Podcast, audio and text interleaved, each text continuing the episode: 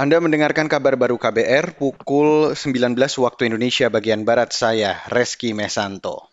Saudara Komisi Pemilihan Umum atau KPU mengingatkan partai politik untuk melengkapi semua dokumen jika hendak mendaftar menjadi peserta pemilu 2024. Ketua Umum KPU RI Hashim Asyari mengatakan, kelengkapan dokumen menjadi syarat mutlak pendaftaran partai politik peserta pemilu sesuai aturan Undang-Undang Pemilu.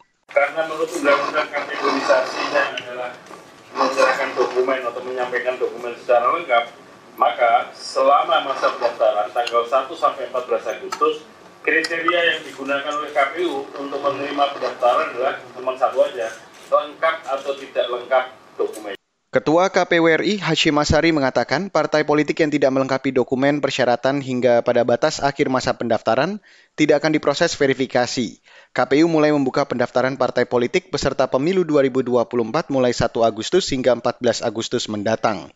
Saat ini ada 9 partai yang sudah mengonfirmasi pendaftaran pada 1 Agustus mendatang. Beralih ke berita selanjutnya, Saudara. Badan Kependudukan dan Keluarga Berencana Nasional atau BKKBN menyebut kehamilan yang tak diinginkan menjadi fenomena global dan menyebabkan krisis hak asasi manusia.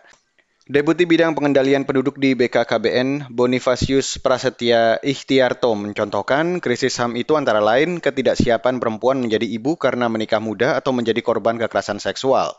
BKKBN mencatat terjadi 121 juta kehamilan yang tidak direncanakan selama 2015 hingga 2019.